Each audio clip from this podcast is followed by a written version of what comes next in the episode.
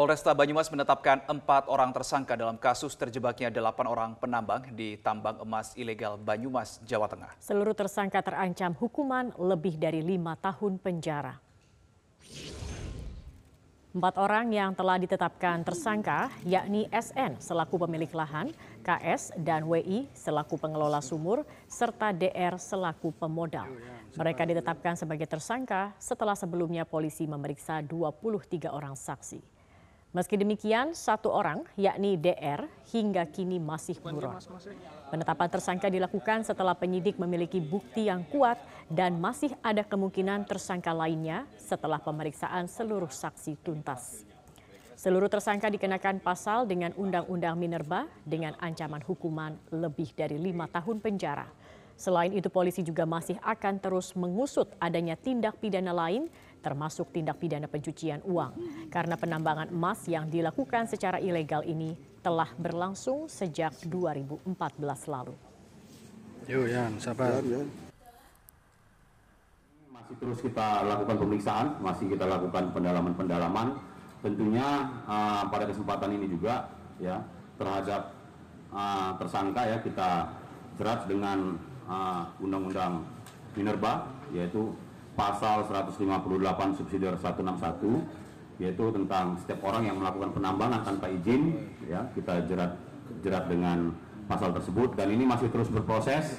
Tentunya nanti setelah yang lain tertangkap kita juga akan uh, menyasar barang-barang tambang tersebut dijual ke mana. Ini juga nanti akan kita kita lakukan pengungkapan terhadap nah siapa pun yang uh, terkait dengan uh, Dinas ESDM Provinsi Jawa Tengah memastikan jika pertambangan emas yang ada di Kabupaten Banyumas, Jawa Tengah tidak memiliki izin untuk melakukan penambangan. Pemerintah kabupaten akan menutup seluruh tambang emas yang memang dilakukan secara ilegal oleh masyarakat dan telah berlangsung selama bertahun-tahun. Bisa diterbitkan izin pertambangan rakyat di Kabupaten Banyumas karena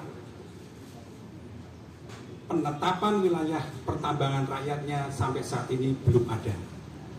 Penetapan wilayah pertambangan rakyat oleh Menteri ESDM sampai saat ini Banyumas belum ditetapkan adanya wilayah pertambangan rakyat. Kalau dari Pemda secara aturan itu tambang hmm. di situ semuanya ilegal. Hmm. Jadi mestinya bukan ditutup sementara. Sampai hmm. sekarang pun belum ada belum ada izin. Hmm ada memang permohonan izin, tetapi tidak melalui Pemda, karena Pemda hanya rekomendasi nih Pak dari SDM kita hanya merekomendasikan ke SDM.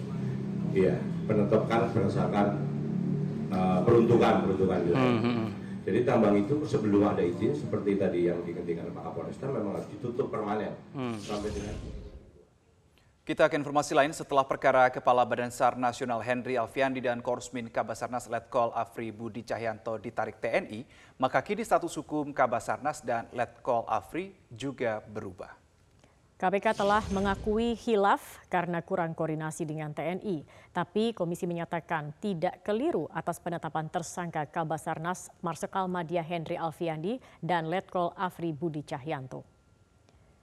Wakil Ketua KPK Alexander Marwata melalui pesan tertulis mengatakan secara administrasi nantinya TNI yang akan menetapkan status hukum Letkol Afri dan Marsikal Madia Henry Alfiadi.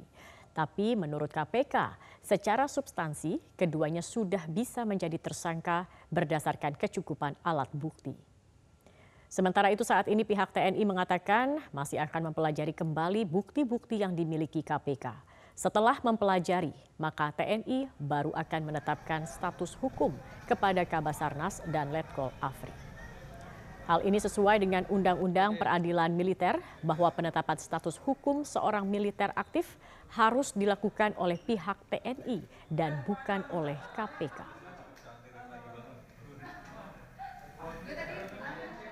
Dan Buspom juga sudah menjelaskan bahwa akan segera mempelajari kasus tersebut dan saya kira akan dengan segera uh, menetapkan uh, status hukum kepada Marsdia HA dan Letkol ABC. Demikian, Mbak.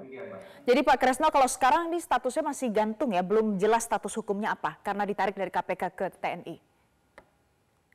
Uh, eh, bukan gantung ya. Jadi kalau dari posisi hukumnya sih memang uh, belum ada ditetapkan sebagai tersangka karena kembali lagi kita harus mendalami uh, laporan polisi yang diberikan kepada KPK. Tapi yakin bahwa uh, Puspom TNI akan segera memproses ini dan akan segera membuat publikasi terkait dengan status kedua terduga tersebut.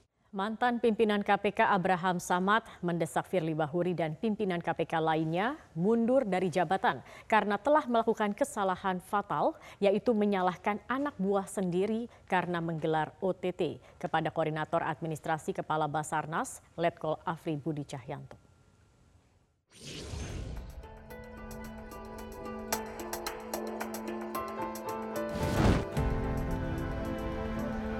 Pernyataan Wakil Ketua KPK Johanis Tanak bahwa tim KPK melakukan kekeliruan saat menggelar operasi tangkap tangan dinilai sebagai upaya pimpinan KPK cuci tangan. Pernyataan ini disampaikan Johanis Tanak usai ditemui para utusan Panglima TNI yang mempertanyakan penetapan Koordinator Administrasi Kepala Basarnas Letkol Afri Budi Cahyanto dan Kepala Basarnas Marsikal Madia Henry Alfiandi. Ternyata tim menemukan mengetahui adanya anggota TNI dan kami paham bahwa tim penyelidik kami mungkin ada kehilafan, ada kelupaan bahwasanya manakala ada melibatkan TNI harus diserahkan kepada TNI. Pernyataan wakil dari Firly Bahuri ini menyulut reaksi dari internal KPK. Sumber Metro TV mengatakan, Direktur Penyidikan sekaligus pelaksana tugas Deputi Penindakan dan Eksekusi KPK, Asep Guntur Rahayu, mundur. Reaksi keras juga terungkap dari mantan pimpinan KPK. Ketua KPK periode 2011-2015, Abraham Samad, mendesak Firly Bahuri untuk mundur dari jabatan karena mengulang kesalahan yang fatal seolah-olah kesalahan ini, kekeliruan ini berasal dari uh, penyelidikan, tim penyidik. Ini yang menurut saya sama sekali memalukan ya dan tindakan dungu menurut saya. Ini sudah dilakukan pimpinan KPK berkali-kali tapi dalam konteks yang berbeda ya. Oleh karena itu menurut saya pimpinan KPK kali ini sama sekali sudah tidak bisa lagi dimaafkan dengan berbagai macam kekeliruan-kekeliruan dan kesalahan-kesalahan yang selalu dilakukan. Oleh karena itu, uh, saya sangat sependapat. Bahkan dari kemarin-kemarin sejak terjadinya ini, saya sudah berpendapat bahwa seluruh pimpinan KPK harus mengundurkan diri sebagai salah satu bentuk pertanggungjawaban.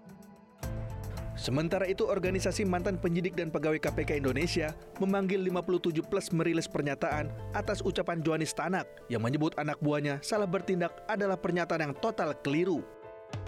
Karena pasal 39 ayat 2 Undang-Undang KPK menekankan segala tindakan tim KPK sudah atas perintah pimpinan.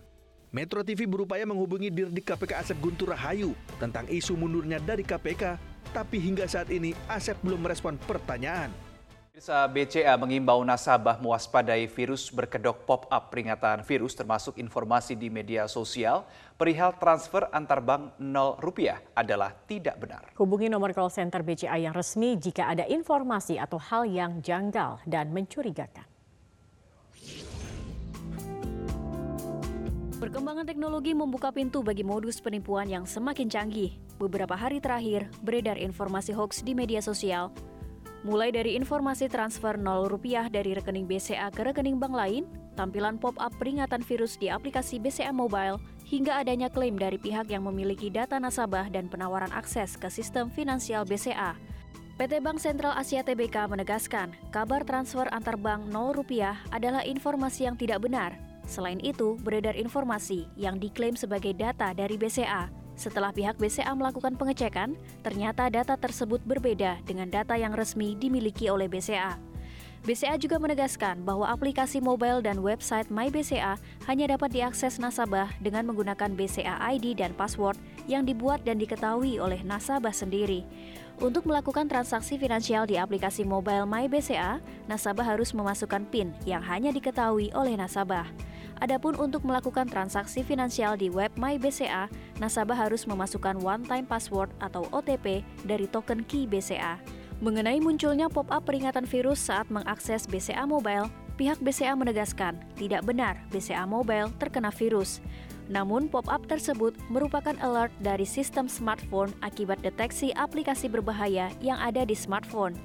BCA mengimbau nasabahnya untuk selalu melakukan install aplikasi resmi serta melakukan update software perangkat smartphone terbaru agar mengurangi resiko perangkat bisa terinfeksi virus, termasuk aktivitas finansial nasabah. Satu hal yang sangat penting adalah jangan pernah membagikan data pribadi perbankan yang bersifat rahasia, seperti BCA ID, password, one-time password atau OTP, nomor kartu ATM, dan PIN kepada siapa pun. Nasabah juga diharapkan mengubah PIN dan password secara berkala. Pihak BCA menegaskan selalu melakukan pengamanan data dengan menerapkan strategi dan standar keamanan berlapis serta mitigasi resiko yang diperlukan untuk menjaga keamanan data dan transaksi digital nasabah uh, menunjukkan bagaimana contoh informasi hoax yang mungkin belakangan diterima oleh teman-teman dan kami berharap teman-teman juga membantu untuk mensosialisasikan agar tidak ada nasabah atau masyarakat yang menjadi korban. Yang pertama teman-teman kalau ada mendapatkan WA karena saya tahu beberapa teman-teman juga menghubungi saya dan mempertanyakan mengenai informasi ini benar atau tidak. Eh, untuk informasi bahwa transfer antar bank di BCA adalah nol rupiah, kami pastikan itu adalah hoax, itu informasi yang tidak benar, jadi uh, harap teman-teman tidak langsung mempercayai hal tersebut karena tidak pernah ada transfer antar bank uh, dari BCA itu adalah nol rupiah. Pihak BCA menegaskan, hingga saat ini tidak ada nasabah yang mengalami kerugian finansial di tengah ramainya informasi hoax dan diklaim oleh pihak-pihak yang tidak bertanggung jawab. BCA meyakinkan nasabahnya, pihaknya selalu mengevaluasi dan mengupdate seluruh strategi dan penerapan standar keamanan secara rutin dengan memperhatikan perkembangan keamanan siber dan transaksi digital. BCA mengimbau jika ada hal yang janggal dan mencurigakan atau ingin mendapatkan informasi yang benar terkait BCA, dapat menghubungi kontak center Halo BCA melalui 1500888, aplikasi Halo BCA, WA Halo BCA 0811 1500 998, Twitter at Halo BCA, atau web chat www.bca